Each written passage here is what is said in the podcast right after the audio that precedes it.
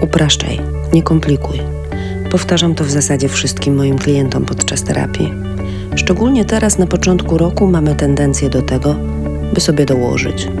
Robimy listę wszystkich ogromnie ważnych rzeczy, które chcemy osiągnąć. Najlepiej, jak najszybciej. I jak to wygląda po miesiącu, dwóch, trzech? Często jest tak, że lista pada na twarz i człowiek pada na twarz. Tak strasznie dużo chcemy sobie dołożyć, że nie jesteśmy w stanie tego udźwignąć. Ja mam dla Was inną propozycję na początek roku.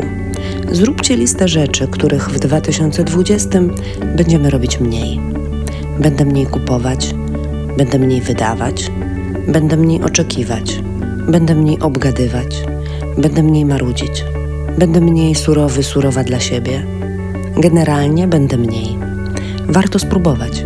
Zobaczcie, jak Wam się będzie żyło, jak to wpłynie na Waszych bliskich, na Waszą rodzinę, w końcu jak to wpłynie na większy i mniejszy świat.